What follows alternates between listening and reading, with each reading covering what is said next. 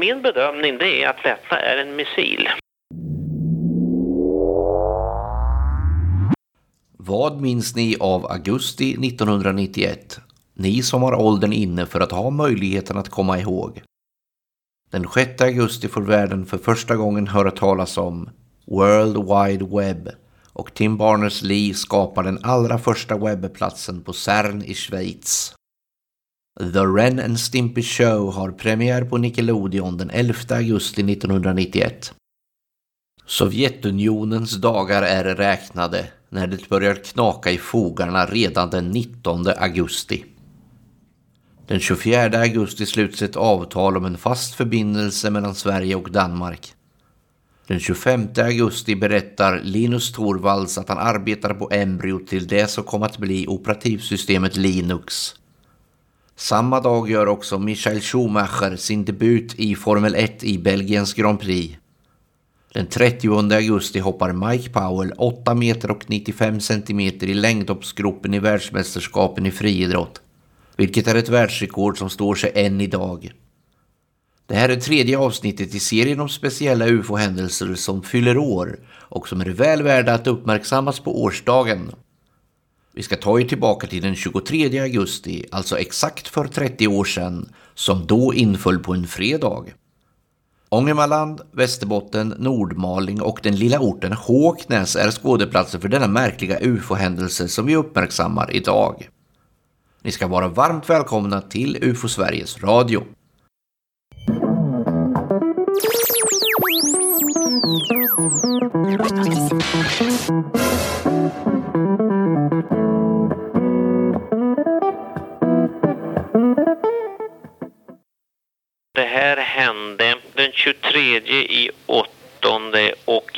In den tredje i nionde på Ja, det. Jag fick det då den tredje i nionde, eller fick kontakt med, med Lundström då. Mm. Och det gör att jag fick det väldigt färskt. Eh, och, och de hade ju det här så att säga en klar minnesbild eh, för sig. Du fick det från eh, Undsäk då? Sagt, jag vet inte varifrån jag fick det. Nej. Eh, det, har jag, det har jag nämligen inte skrivit här. Så Nej, att, eh, Men det var från militärerna tror jag som du fick det för att jag pratade med Undsäk på I20 ja, och eh, de hade då lämnat över eh, intervjun då och utredningen till eh, Säkerhetspolisen. mm. Det, jag kan faktiskt inte se här. Det är inte diariefört varifrån det kom. Det är möjligt att det, att det är så. Får Milostaben en kopia på den här rapporten också? Eller? Eh, Vi underrättar eh, militära myndigheter om det här och huruvida det här har gått enbart till I20 eller till Milostaben, det vet jag inte. Men, men det finns väl skäl att misstänka. Jag heter Tobias Lindgren och med mig idag har jag Claes Svahn. Du ska också känna dig varmt välkommen. Tack så mycket. Ja, mannen vi hörde här innan var kriminalinspektör från Säpo. Han jobbade också ganska hårt med det här fallet, precis som du Claes. Men jag antar kanske från en annan utgångspunkt. Men vi kanske inte ska gå händelserna i förväg här. Hur kom den här händelsen till vår kännedom? Ja, inte minst då för UFO Sveriges del. Ja, det var genom en artikel i Västerbottens-Kuriren som eh, publicerades den 27 augusti 1991. Alltså bara några dagar efter själva händelsen inträffade då. Och eh, när jag fick syn på den artikeln så blev jag lite nyfiken på den helt enkelt. För att det kändes som att det här var ett fall som hade lite mer än eh, de vanliga ljusprickarna på himlen. Där hade vi en hel familj som har gjort en observation i fullt dagsljus och under en relativt lång tid. Så det fick mig intresserad. Och vi hade full koll på allt vad artiklar i hela Sverige hette på den tiden, eller? Ja, så var det. Vi har ju, hade då en klipptjänst så att vi fick då kopior av allt som skrevs i svensk press. Eh, det där blev med tiden oerhört dyrt och eh, idag plockar vi ju artiklar ifrån nätet istället då på olika sätt och eh, sparar. Men det finns ju en risk att vi missar artiklar på det viset tyvärr. Va? Eh, Men det skrivs inte riktigt lika mycket idag kanske som det gjorde heller då under en period, framförallt då i början på 90-talet. Det var väldigt mycket artiklar i svenska tidningar om UFO-observationer. Och vi är väl mycket mer kända nu än vad vi var då, så att vi kanske får de här artiklarna på annan väg i alla fall. Ja, det ligger någonting i det faktiskt. Vi får ju väldigt mycket tips och folk är ute själva och söker på nätet och skickar länkar till oss och så. Så att vi får ju veta när saker publiceras i tidningarna. Men det finns alltid en gnagande känsla av att man missar saker. Så att eh, det hade varit jättebra om vi hade haft den här klipptjänsten givetvis. Men eh, jag tror det kostar 30 000 om året idag åtminstone att eh, få de här klippen. Och det är kanske inte riktigt de pengarna värda. Nej, det känns inte riktigt som att det gör det. Men alltså vad var det då som hände för 30 år sedan exakt idag i den här lilla orten Håknäs? Ja, alltså Håknäs kan man kanske då placera på kartan lite först för alla som inte vet eh, omedelbart var Håknäs ligger. Det ligger 40 kilometer söder om Umeå. Det ligger i, kustbandet helt enkelt. Eh, eh, och det är ingen stor ort. Men det var väldigt, väldigt fint väder den här dagen. Det var den 23 augusti 1991 som sagt.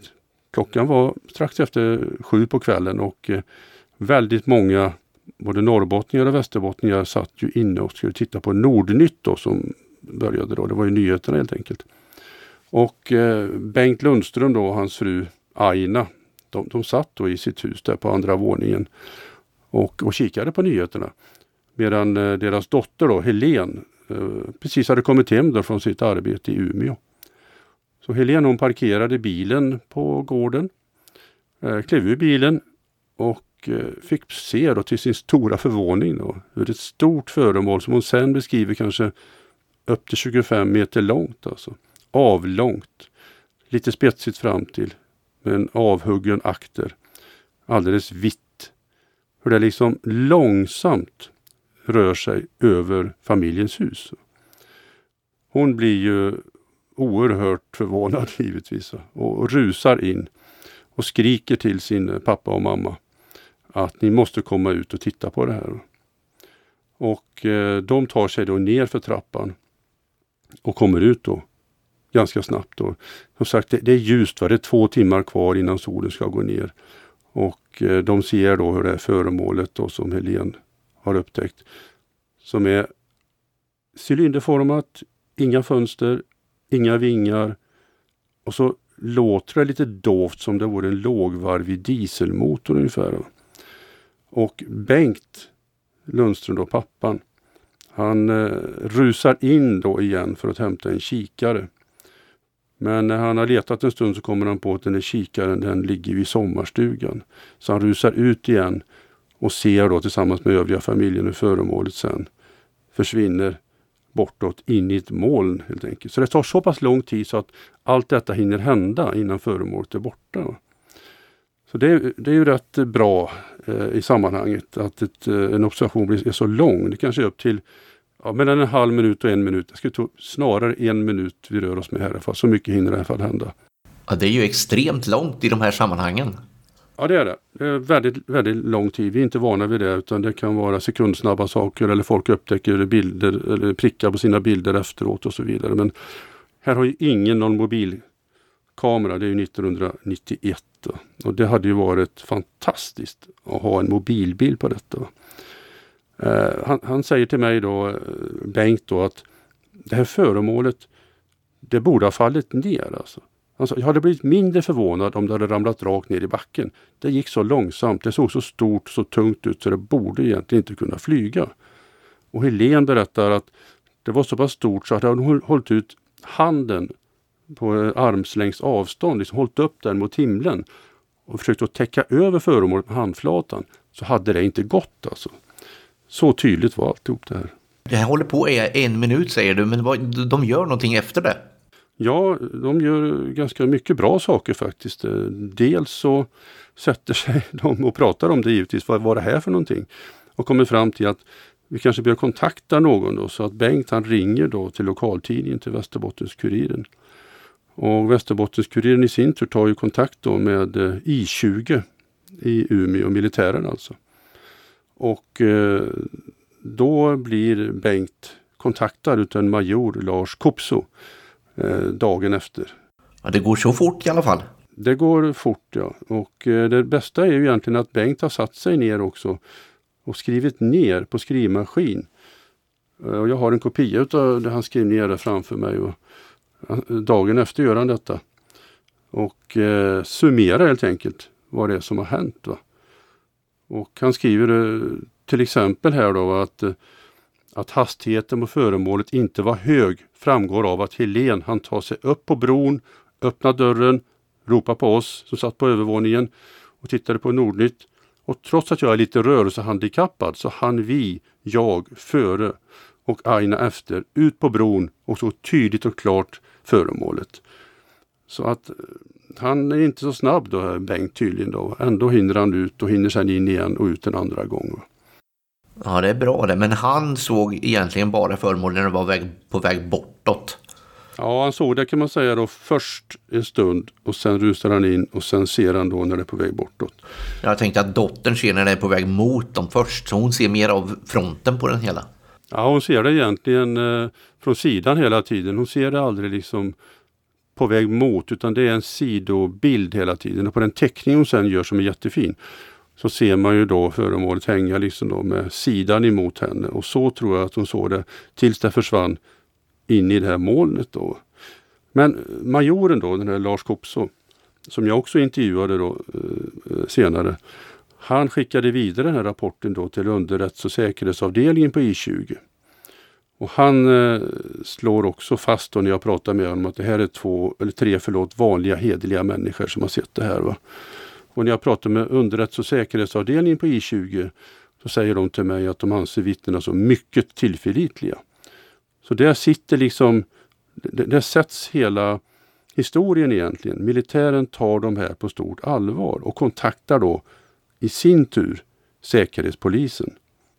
Vi kan väl ta och lyssna på huvudpersonerna Bengt och hans dotter Helen så som det lät när du intervjuade dem då den 2 mars 1992.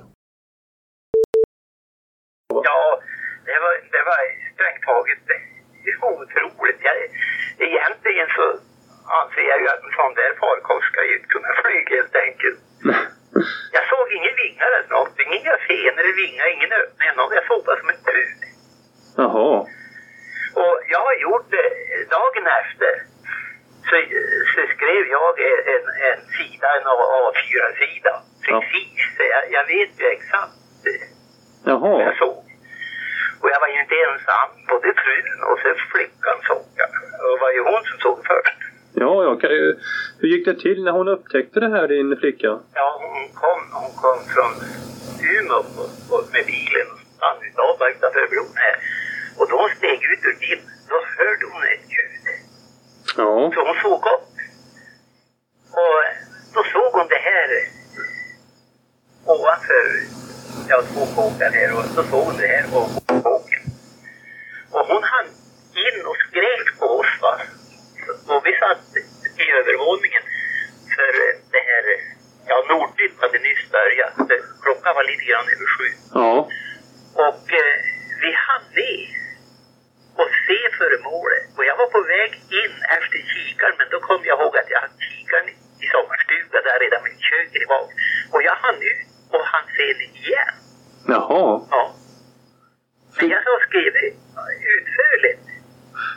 Det här är, det är fler som har varit ute efter det här. Alltså. Jo, Säpo har varit ute. Ja, jag pratade med eh, en eh, kille på säkerhetsavdelningen på I20. Ja, ja, det var en, eh, en major Kopso som var, var jourhavande på här. Ja, just det. Men det var en annan kille sen på säkerhetsavdelningen som tog över ärendet. Ja, just det, ja. Var det de som var och pratade med dig sen? Ja, han var på hivet då. Ja. Och de var väldigt förtegna när jag pratade med dem. Jaså? Ja, den, han, han, han, han, ville låna det här som jag hade skrivit, så de fotostatkopiorerna. Men de hemligstämplade det.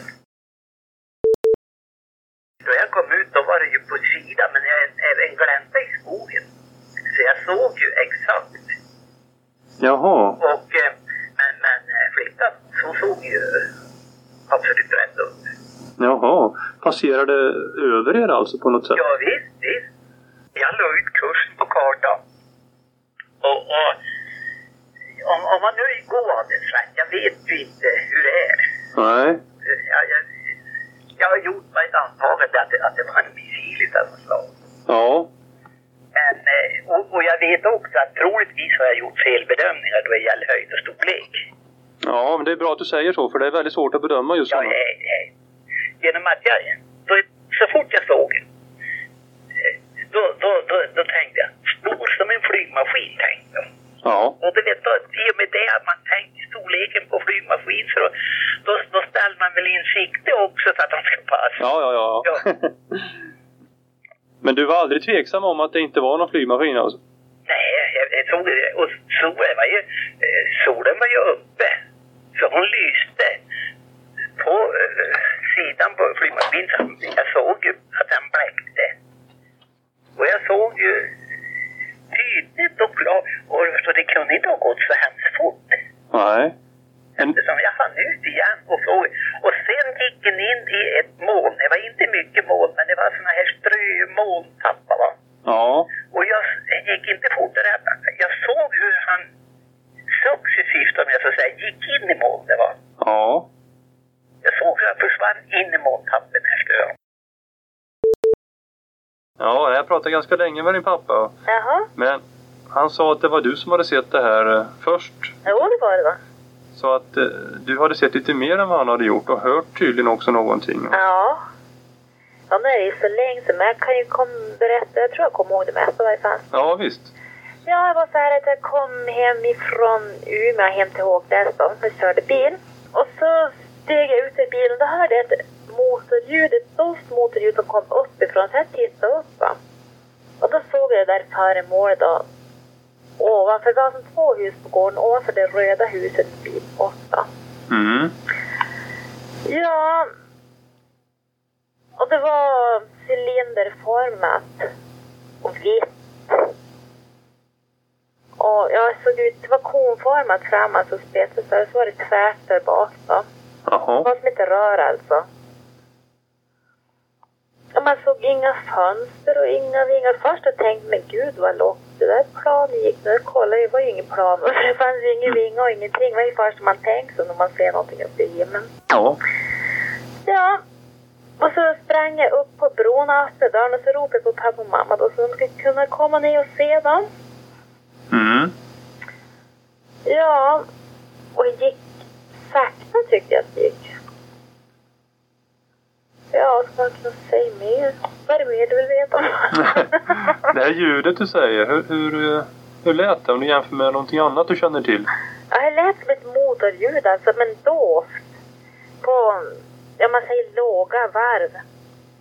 Var det som en bil eller var det som någon båt eller? Nej, heller som en bil fast sovare va. Ja. På låga varv så. Ja. Kunde du höra att ljudet blev lägre då när det försvann sen eller hur? Ja, det hörde jag. Ja. Att det avlägsnade sig från. Jo. Hur försvann det sen då föremålet? Vart tog det vägen? Ja, du vet inte hur det ser ut på våran tomt antar jag. Det är lite svårt att beskriva. Ja. Men det får som, ja norrut kan man säga. Ja. Tappade ur sikte till slut då? Ja. Det gick in i, som ett hemskt tunt moln. For in i molnet med, ja. Jaha. Den där bakdelen du säger, den var det som avhuggen då på något sätt? Eller Ja. tvär va? Ja, tvär han. Kunde du se någonting där? Nej. Inte vad jag kommer ihåg, nej. Var inte det konstigt att det inte var någonting som, som rök eller? Ja. Jo, det tyckte jag att det var, ja. För det borde ha varit något utblås på något sätt. Ja, tyckte man. För jag hörde ett motorljud, va. Men jag såg ingen sån här, ingen rök eller någonting. Nej. Och eh, det var inga beteckningar på föremålet eller så? Nej, inte vad jag såg. Nej. Om du skulle säga ungefär hur stort det kan ha varit om du håller ut armen och, och måttar med fingrarna till exempel. Hur stor del av himlen tog det upp egentligen på en utsträckt arm? Kan du ge en uppskattning om det? På en utsträckt arm. ja. Ja. eh, Det var ganska nära. Jag, jag tycker att det var nära när jag såg det. Ja. Jag kunna föreställa mig att det var sådär ja, 25 meter. Men det är så svårt att säga vad 25 meter långt. Jag tycker det såg hemskt stort ut. Om du, om du håller upp handen, skulle du kunna hålla för hela föremålet om du håller upp handen framför dig? Nej, det skulle jag. Det skulle inte gå alltså? Nej. Så det var större än så? Ja, det var det. För det var... Du har ingen aning om hur det ser ut på våra tomt hemma va? Nej, Det har du inte. din pappa beskrev lite men det är svårt ändå att veta precis. Ja, för att vi har som två gårdar då. Ja, Och så parkerar bilen mellan de gårdarna. Och så bakom den ena gården så sticker upp tallar sådär. Och just ovanför talltopparna där såg jag ju det där va. Föremålet. ja. Så jag kunde ju hålla, om jag håller jag hade ju inte täckt det där föremålet. Nej. Nej. Vad heter det? Ett, ett vanligt flygplan hade ju varit mindre då förstår jag. När det passerar förbi. Ja, alltså, ja, för att det går ju mycket högre va. Ja, Det blir mindre på det viset. Ja. Det där gick lågt. Jag tyckte det gick hemskt lågt. Ja, de gav ju ett väldigt gott intryck även på mig ska jag säga. va. Så jag är inte förvånad över att militären tyckte att det här var väldigt goda vittnen. För det är min uppfattning och jag har kontakt med de här personerna sedan under många år efteråt. Idag är ju pappan och mamman då, Bengt och Aina borta båda två. Men Helen pratar jag med en gång om året ungefär. Och Eh, det, det är väldigt, väldigt goda vittnen som inte ändrar sin historia under åren. Det intressanta var ju då att eh, Säkerhetspolisen då blir inkopplad på detta och eh, det är ju då underrättelse och säkerhetsavdelningen på I20 som kontaktar Säkerhetspolisen i Umeå. Så den 3 september, då, 11 dagar efter händelsen, så får Bengt och Aina besök i hemmet utav den här kriminalinspektören då från Umeå. Och eh, Helen får besök utav honom på sin arbetsplats då inne i Umeå. Eh, och eh, dagen efter då, den 4 nionde så har den här Säkerhetspolisen skrivit sin rapport och den hemligstämplas då. De måste ju ha tyckt att den var väldigt bra den här upplevelsen de har att berätta eftersom de lägger ner så mycket kraft redan så tidigt. Ja, det skulle inte sluta med det utan eh, den här Säpo-mannen då Eh, lägger ner enormt mycket mera eh, jobb faktiskt då på den här händelsen. Han reste bland annat ner till Stockholm för att försöka se om man kan hitta någon förklaring på någon missil då eller liknande föremål som kan vara som förklaring till det här. Och eh, jag försökte ju begära ut de här pappren då som hemligstämplades. Så jag skrev då till Rikspolisstyrelsen och begärde detta. Eh, men det fick jag inte. Däremot fick jag då mycket överraskande tillstånd att prata med själva Säpo, Säpomannen själv, va? kriminalinspektören. Så i juni 92 då så eh, får jag ringa upp honom och gör då en nästan en timma lång intervju med honom. Och det förvånar mig än idag faktiskt att jag fick den möjligheten. Alltså det är ovanligt, alltså det hade varit mer vanligt eh, motsatsen, alltså att du hade fått pappren direkt. Ja, det hade nog varit mer vanligt att jag inte fått någonting alls faktiskt. Varken papper eller samtal. Men du har gjort sådana, begärt ut papper förr i andra fall? Ja, det har jag och det är ofta långa hemligstämplingsperioder på dem. Det kan ju vara årtionden. Vi har ju till exempel den här stora operationen i Värmland, operation Argus och Da Capo i början på 90, förlåt, 70-talet när eh, Säkerhetspolisen var inblandad ihop med tullen och eh, militären och polisen och jagade okända föremål mellan Sverige och Norge. Den eh, operationen är ju hemligstämplad i 75 år. Och eh, det gäller väldigt mycket av Säkerhetspolisens papper att de är det. Så att det var ändå eh, förvånansvärt att jag fick prata med honom. Och han var ju då mycket imponerad. Han, var ju, han sa till mig att han var förbryllad över detta. Han var irriterad över att han inte hade hittat svaret. Vi kan ju lyssna på eh, vad han säger också.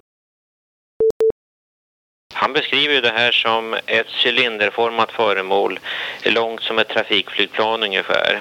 Och eh, metallglänsande, alltså aluminiumfärgat ungefär. Utan antenner, fenor, stjärt. Han uppger att det är ljudlöst. Det finns inga ljus eller, eller fyrar. Det finns inga rökslingor. Det finns inga fönster eller gluggar. Och det är en förhållandevis låg hastighet utan kurs eller höjdkorrigeringar. Mm. Men eh, som du vet, det är ju inte bara ett vittne. Nej, precis. Utan det är ett fler, flera personer som har sett det här. Och det är väl det som gör eh, att man får sätta lite större tilltro till det här än andra saker. I och med att det är flera människor som har sett det här och eh, ja, eh, jag, jag finner inte skäl att betvivla de här människorna utan jag tror att de är, de är pålitliga. Ja, Jag fick ju den uppfattningen också när jag pratade med Ja, dem. jag har ju träffat dem. Jag vet, du har kanske bara pratat på telefon? Jo, precis. Jag... Jag har träffat de här människorna och eh, kunnat samtala med dem och eh, det är min, eh, min bedömning att de här ska man sätta tilltro till. Det, det här är förnuftiga människor. Ja, Och eh, sen vad det här är. Eh, det finns ju många, eh, många saker det kan vara och eh, olika fenomen gör ju att man kan ju luras med ögat också mm, en hel del. mm, Så att det här kan ju vara, det kan ju vara en missil. mm, Och eh, det kan vara ett flygplan som eh, befinner sig inne i ett luftdallerområde där vissa delar faller bort. Det kan vara någonting annat också. Vilken är, vad är bedömningen av det? Är det en slutbedömning av rapporten? Vi har ingen, ingen absolut slutbedömning utan eh, vi, vi bedömer helt enkelt att det är ett föremål de har uppfattat. Sen om det är, det kan vara en missil. Mm. Men det kan vara annat också. Och det här är, det här är svårbedömt. Oerhört svårbedömt. Det är det. Vilka kontroller gjorde ni utav eh, vad som hände i luftrummet till exempel? Eller? Det gjordes kontroller, ja. Det gjorde sig, ja. Och i, i luftrummet ska det inte på den här höjden med den här hastigheten ha förekommit någonting just då. Så det fanns ingenting som du kan se Nej. som var svenskt om jag säger så? Och inte heller kanske då sånt som syntes på radar och sånt? Utan... Nej, det är inte det. Men nu vet vi det att det där med radartäckning ska man nog inte ta riktigt så allvarligt på. Nej. För att den är inte hundraprocentig. Nej. Utan det kan slinka igenom stora saker i det här luftrummet vid den här tiden på den här höjden. Ja. Radartäckningen den ligger ju, den ligger ju så att säga i vissa skikt. Mm. Men den ligger, det är ju inte en total täckning från, från marken och ända upp, uppåt. Man pratar ju om 300 meter ofta i sådana sammanhang. Mm, man gör Och, det. eh, 300, ja just det, 300 meter. Ja, ungefär där omkring. Ja. Och det verkar ju som att det kan ha gått lägre också. Ja, det här kan ha gått lägre. Eh, Det här kan ha gått lägre och vad som ju skiljer eh, uppgifterna mellan de här personerna. Den här första som jag relaterade till, den här, eh, vad var han hette? Bengt Lundström. Mm. Eh, Det här, han är ju en gammal sågverksarbetare och har ju följaktligen nedsatt hörsel. Ja, Sen eh, fanns det en eh, yngre person eh, här eh, som säger det att det är ett motorbuller Ja. som är knutet med säkerhet till det här föremålet och säger det att det är en exceptionellt lågvarvig motor. Mm. Hon säger just det att en, en, en V8 i en gammal jänka, en gammal skeva till exempel, Mm. den är högvarvig jämfört med det här. Så det här är eh, något enormt lågvarvigt. Jaha. Och det, det är ju en bit som gör mig, väldigt brydd. Ja, Eh, Och jag försökte hela tiden liksom att få klart för mig om den här människan med absolut 100% i säkerhet kunde sammankoppla ljudet med föremålet. Mm. Och hävdade ju det att ljudet följde föremålet. mm. ja det är ju häpnadsväckande. Och det är mycket häpnadsväckande. eh, För i sådant fall så ska det alltså då vara en, en förbränningsmotor som driver det här på väldigt låg höjd. Och den biten, ja, den är fullt tekniskt möjlig. Det, det är klart.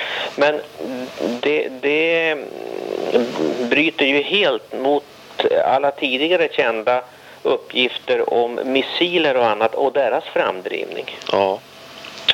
Kan det ha varit någonting som var lättare än luften? Kan det ha varit någon sorts eh, någon zeppelinare med något? Ja, jag var inne på den där biten också och det, det kan de ju inte svara på. Det, det, det är en, men de säger ju det att den, den har ju samma form som, en, som ett trafikflygplan, alltså som kroppen på det.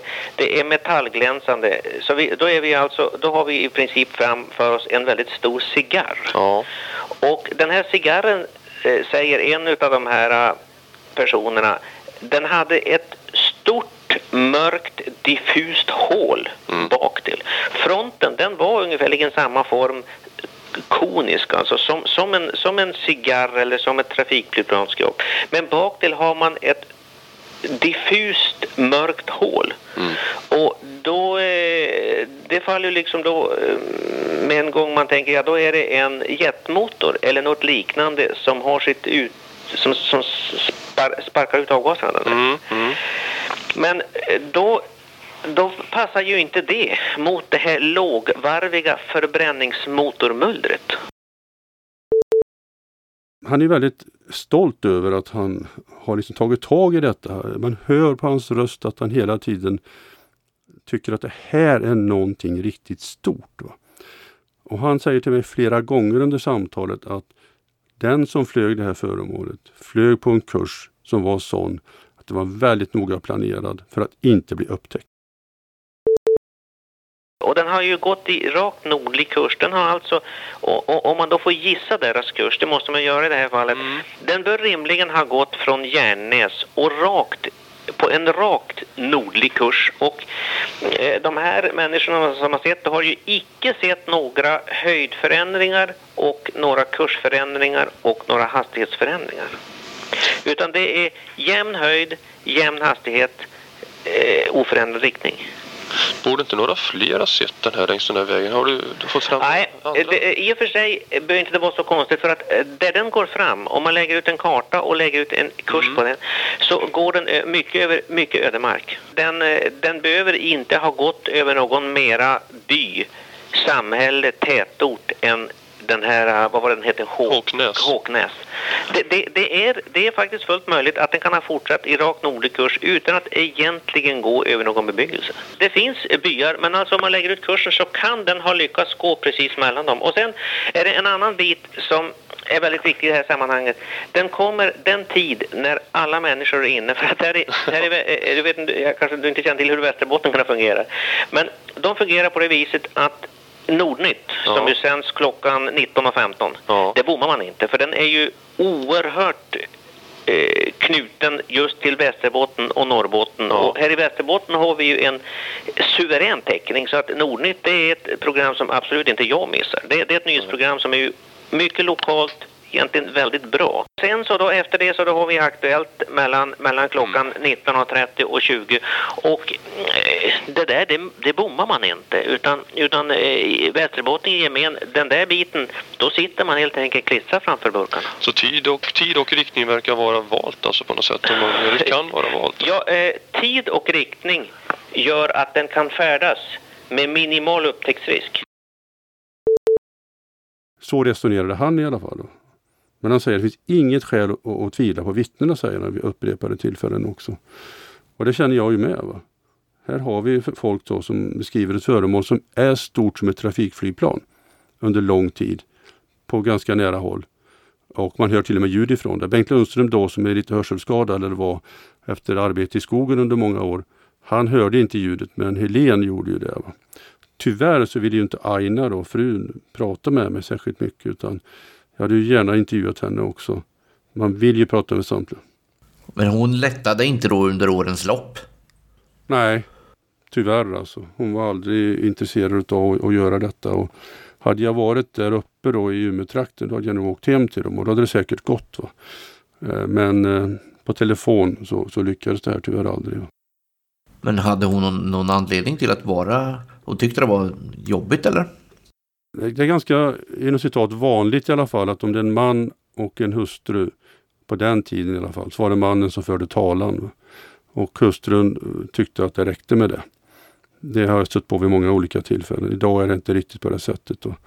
Men då var det faktiskt så. Så hon kände väl det att eh, Bengt, han hade gett mig eh, historien och hon ville liksom inte komma då och ändra på den på något vis. Och det är ju det som är det tråkiga för det kan ofta vara så att ytterligare ett vittne har andra saker att tillföra. Och tittar man på illustrationerna som Bengt har gjort och som Helena har gjort så skiljer de sig åt en del. Va? Eh, Bengt har ett föremål som är avhugget i båda ändar och det kan ju bero på att han inte såg då riktigt hela förloppet på samma sätt som Helene gjorde. Men Helene har en spetsig för på det här föremålet. Och det är lite andra detaljer som skiljer sig åt också. Men de är helt överens i stora hela att det fanns inga vingar, det fanns ingen cockpit, det fanns inga fönster, det fanns inget utblås efteråt. Va? Ingen kondensstrimma, ingen rök eller så. Och att det gick så långsamt att det borde egentligen inte ha kunnat flyga om det inte var en ballong. Va? Och det, det vet vi ju inte givetvis om det här var någon typ av zeppelinarfarkost på något sätt. Det liknar inte det. Men om det hade varit det. Men det är inte alls omöjligt att det skulle kunna vara någon, någon typ av farkost som är lättare än luft. Alltså det går ju absolut inte att utesluta det för den beter sig ju som en farkost som är lättare än luft. Det gör den. Men det trodde ju varken Säkerhetspolisen då eller vittnena själva att det var. Eh, men eh, den dörren måste man ändå hålla öppen. Oavsett vad det var som flög där så ville det inte bli upptäckt. Eh, och det kan man tycka är märkligt. Om man flyger så enormt stor farkost så riskerar man att bli upptäckt. Men de har inte gett sig till känna efteråt. Det skrevs ju ändå en hel del om detta i lokalpressen. Och det blev ju känt genom åren på olika sätt. Det har gjorts radioprogram om det och så vidare. Eh, så att det finns ju möjlighet för de som gjorde detta att träda fram. Men det har vi lärt oss också. Att det är inte så nödvändigtvis så att de träder fram bara för att de har blivit omtalade. De kan tycka att det är kul att de, de blir misstolkade som ett UFO. Ja, om man då drar den här flyktlinjen, eller vad säger man, resan som det här föremålet har gjort. Eh, om man drar den tidigare då, varifrån skulle det kommit om det hade åkt, åkt söderifrån då, mot norr över de här? Ja, du hamnar någonstans långt ner i södra Finland, liksom mot eh, ja, södra Finland. Ja, för om det, om, det, om det åker rakt norrut vid dem då skulle du då i princip åka över Åland och rakt upp. Bara, det är bara hav jättelångt. Ja, det gick ju lite mot nordväst det här då. Men, men det är mycket hav alltså. Det är, ju, ja. det är ju ingen punkt som ligger i närheten där man kan tänka sig att man har lyft ifrån. Alltså det blir väldigt lång flykt om man ska skjuta iväg den från ett land alltså menar jag. Alltså både och verkligen. Om, det, om du skjuter detta, om det är en missil som skjuts iväg, då är det väldigt långt som du säger. Ja. Och, är det, och är det lättare än luft, är det zeppeliner, är också väldigt lång väg. Eh, vad det än är, om det följer en rak bana, så är det längre väg än man borde egentligen tänka sig att det skulle vara. Va? Skulle kunna vara. Det är som spökraketerna 1946. De flög ju sträckor då som inte V-bomberna under andra världskriget klarade av. Och det var det man jämförde med och tänkte att det var Hitlers hemliga vapen som hade tagits en nivå till då, året efter krigsslutet. Men de flög ju alltså på omöjligt långa sträckor egentligen om man skulle tänka sig att det sköts från främmande, från främmande makt. Då. Och många av dem trillar ju ner i sjöar också. Ja, det här liknar ju en spökraket på många sätt. Där. Eh, men det sticker ut lite då. Det rör sig långsammare än spökraketerna brukade göra. Och eh, observationstiden är också ovanligt lång för att vara en spökraket. Så det är liksom inte, faller inte in någon spökraket. Eh, ja, det vill du inte benämna den som en spökraket i alla fall? Nej, det vill jag inte. Det här är något eget. Avståndet till den här då från dem, den, den är ju väldigt intressant. Bengt där, han är ju väldigt medveten om att han, han har svårt för att komma fram till ett avstånd. Att det är svårt för mänskliga perceptionen att göra avståndsbedömningar. Ja, han är medveten om det. Han skriver också i sina anteckningar. Höjden som jag i hastigheten bedömde till cirka 1000 meter är troligen flera hundra meter fel. För högt skrev han då. Så han menar att det var lägre. Men han konstaterar också att det är oerhört svårt att bedöma sånt här. Eh, och det har han ju rätt i. Ja, det är en god insikt som inte så många har egentligen. Ja, det är en väldigt god insikt. Det man kan säga är ju att i och med att det var så stort att man inte kunde skymma det med handflatan så kan det inte ha varit särskilt långt bort. Då hade det varit enormt. Då hade det varit en kilometer långt. Då. Eh, så det måste ha varit hyfsat nära. Om man ska tänka sig att det här är eh, jämfört med flygplan eller någonting annat. Det kan inte ha varit väldigt långt bort. Ja, även dotterns illustration säger ju att den var väldigt nära. Ja, den täcker ju liksom huset eh, i, i, i längd på illustrationen så att jag tror nog att han har rätt där eh, Bengt när han säger att 1000 meter är nog för för långt bort eller för högt. Alltså, utan det handlar ju om, om närmare än så. Och i och med att hon hörde motorbuller också så kan man ändå anta att det kan inte ha varit särskilt långt bort. Nej, men vid den här tiden så kom det in liknande rapporter som den här. Ja, alltså det var ju så att eh, det var ju under en period ändå som det kom in en hel del rapporter om cigarrformade föremål. Eh, under 80-talet in i 90-talet som vi idag egentligen ser väldigt få av. Och det är ju en intressant fråga varför det inte är så längre. Den här typen av rapporter får vi ju inte in helt enkelt. Jag kan inte dra mig till minnes något på många, många, många herrans år. Kan du det? Kan du påminna dig? Nej, det kan jag inte göra. Det är väl någon i förbifarten, sån mindre grej som folk har sett några sekunder, men sannolikt misstolkningar i den fallen. Ja, exakt. Men det är ingen sån här påtaglig grej på väldigt, väldigt länge. Nej, och det är ju lustigt då. Går man ännu längre tillbaka då till 70-talet så var det ju ännu flera sådana här påtagliga rapporter i dagsljus på hyfsat nära håll. Och man tänker ju idag då med mobilkameror och sånt att vi borde få in sådana här bilder regelmässigt i så fall om det fortsätter att vara den här typen av rapporter. Jag pratade precis bara för en, några dagar sedan då med Ingvar Damm som är en av våra undersökare uppe i Dalarna som just nu jobbar med ett fall, en person som har tagit en bild på ett föremål som personen inte såg förrän efteråt. Utan på själva fotografiet. Och det är ju väldigt, väldigt vanligt. Och där har vi en ljuspunkt då som ser lite udda ut. Va? Det får vi in hela tiden men inte sådana här fall. Absolut inte fotograferade. Är det ett mönster som man kan dra som har förändrats med tiden då eller?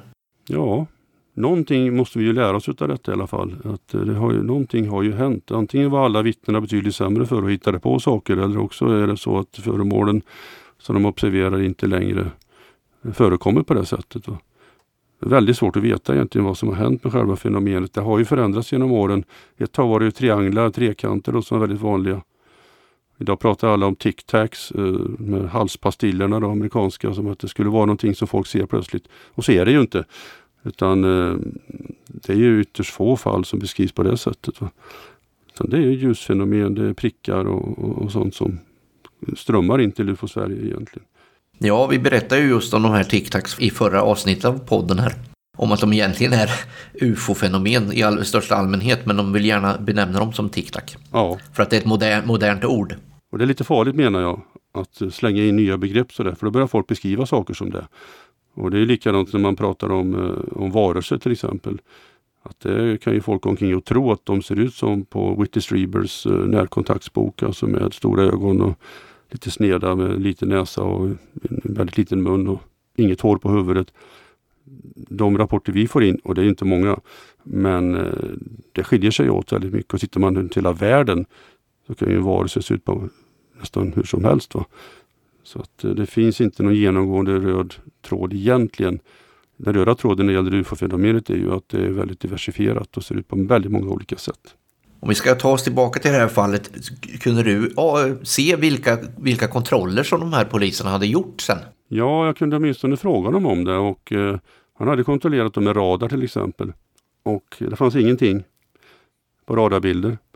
Eh, och det borde ju ändå ha synts det här stora föremålet. Så lågt ner. Ja, det är klart, så går det under 300 meter då det är svårt. Va?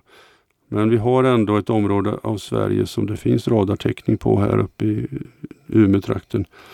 Eh, men alltså, man såg ingenting där. Va? Den kontrollen gjorde han ju.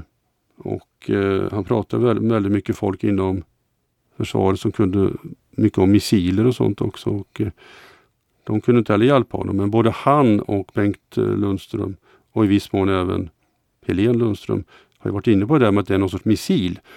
Men det tror jag inte. Det flyger för långsamt för det. Alltså, missiler flyger inte så här långsamt och låter inte på det sättet. Så det, det tror jag inte. Nej, det håller jag också med om att det låter alldeles för udda för att det skulle passa in på en missil. Förutom då på själva cigarrformen. Jag tycker vi tar och lyssnar lite på hur Säpomannen resonerade om hemligstämplingarna där sommaren 1992 när du intervjuade honom. Du hemligstämplade det för att du ansåg det vara totalförsvars, av ett totalförsvarsintresse. Ja. Har du haft sådana hemligstämplingar tidigare på liknande fall? Att du har ansett dem vara så pass bra så att du har velat hemligstämpla dem för totalförsvarsintresse? Ja. Även om det har varit ett, ett vittne kanske? Ja. Vad är orsaken då? Du har ändå trott att det kan ha varit eh, någonting bakom rapporten fast du inte har kunnat liksom peka på... Ja, det, dels, dels har jag ett intresse av att skydda uppgiftslämnarna. För det ja. kan ju vara uppgiftslämnare som absolut inte vill lämna en uppgift till mig på grund av att de ska komma till tidningarna och mm. detta är liksom då ett sätt att skydda dem. I det här fallet har ju Lundström tydligen talat med dig och då är det ju grönt den vägen så att ja. säga. Eh, sen är det det att eh, det här är ju totalförsvarsintresse för skulle det här visa sig sen att det här tillhör andra länders tjänster, då är vi ju inne på någon form av underrättelseverksamhet som är riktad mot Sverige. Mm. Och av den anledningen så anser jag det att det är för att skydda rikets intressen helt enkelt. Och av den för att jag har inte kunnat eh, få fram en rimlig förklaring på den här eh, i Håknäs. Jag är faktiskt fortfarande inne på att det kan vara ett flygande föremål som tillhör ett annat lands underrättelsetjänst. Jag tänker mig att precis i den här vevan så var det ju när, när Sovjetunionen började knaka där. Det måste ju varit toppen på det kalla kriget här så att vi borde ju ha haft väldigt mycket bevakning av landet. Ja, vi var säkert på tå. Eh, för det hände mycket som du säger i öster och eh, svensk radarbevakning höll ju ett öga på det så att det inte skulle inträffa till exempel då att det kom flygplan med flyktingar eller annat, att det hände saker.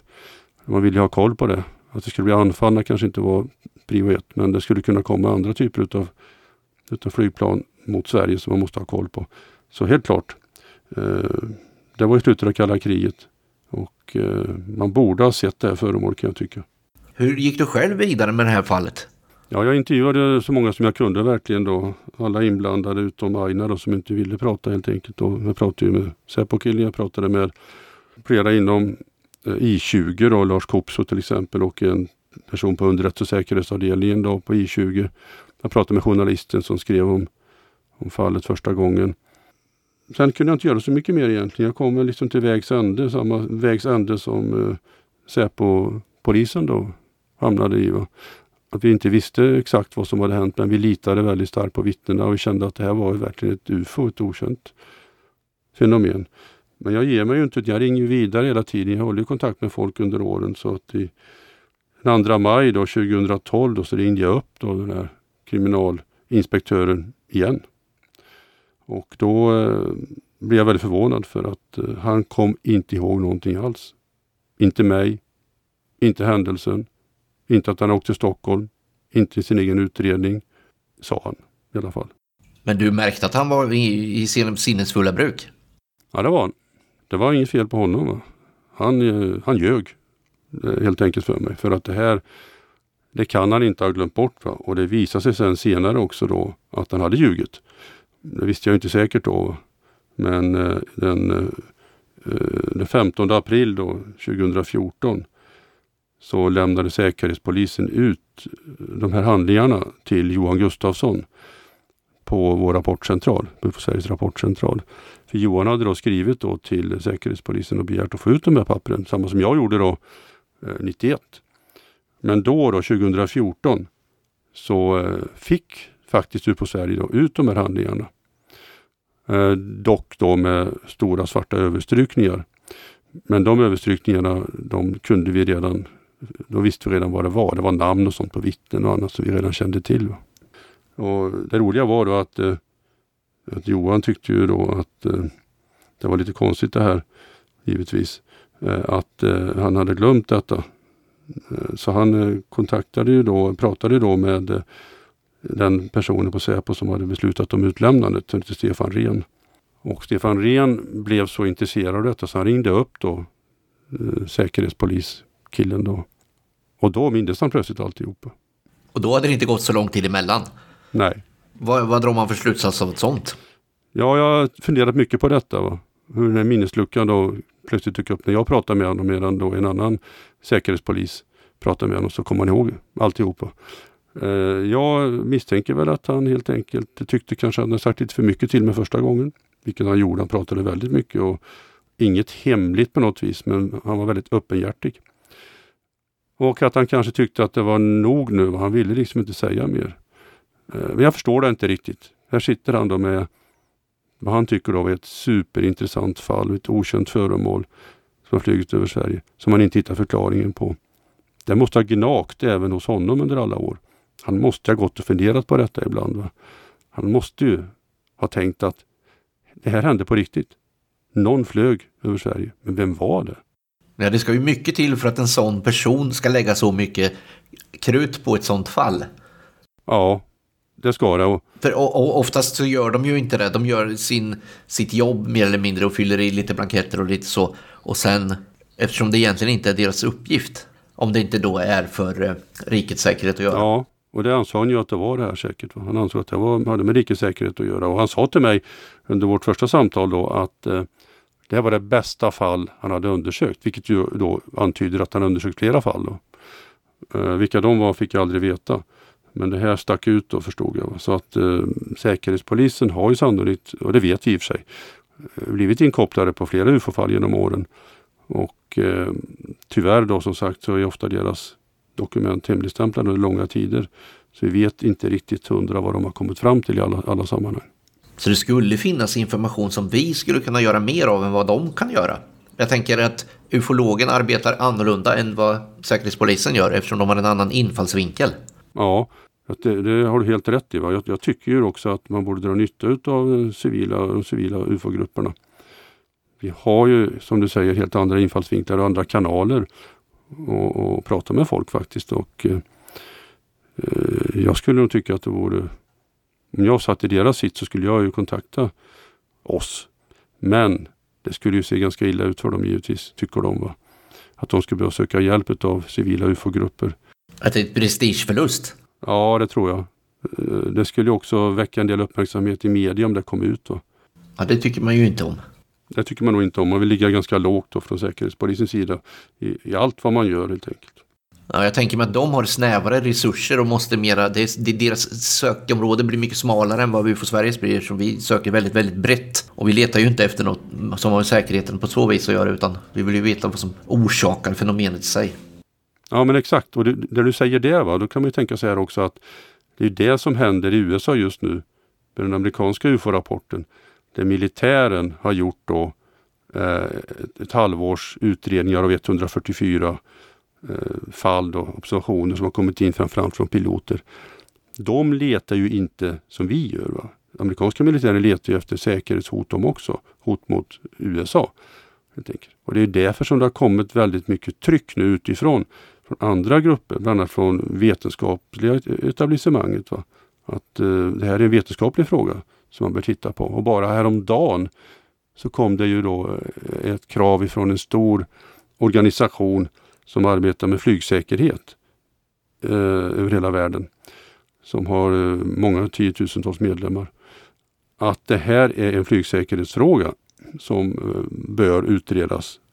Inte bara från militär perspektiv utan även då från civila luftfartsmyndighetens perspektiv.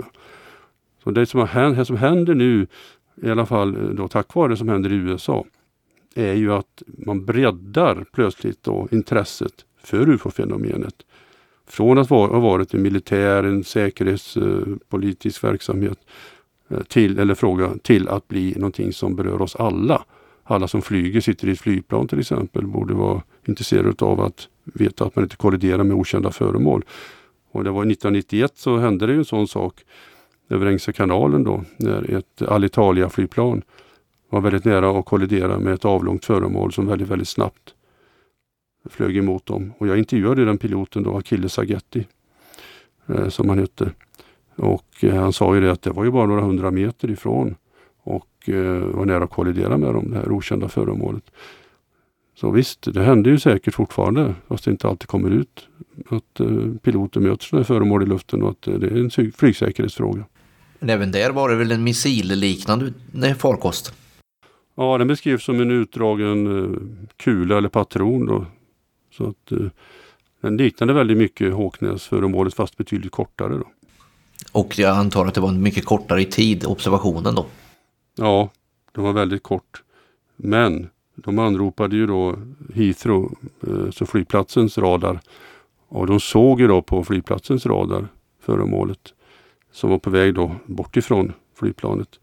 Så att det var ju både en visuell observation och en radarbekräftelse på den händelsen.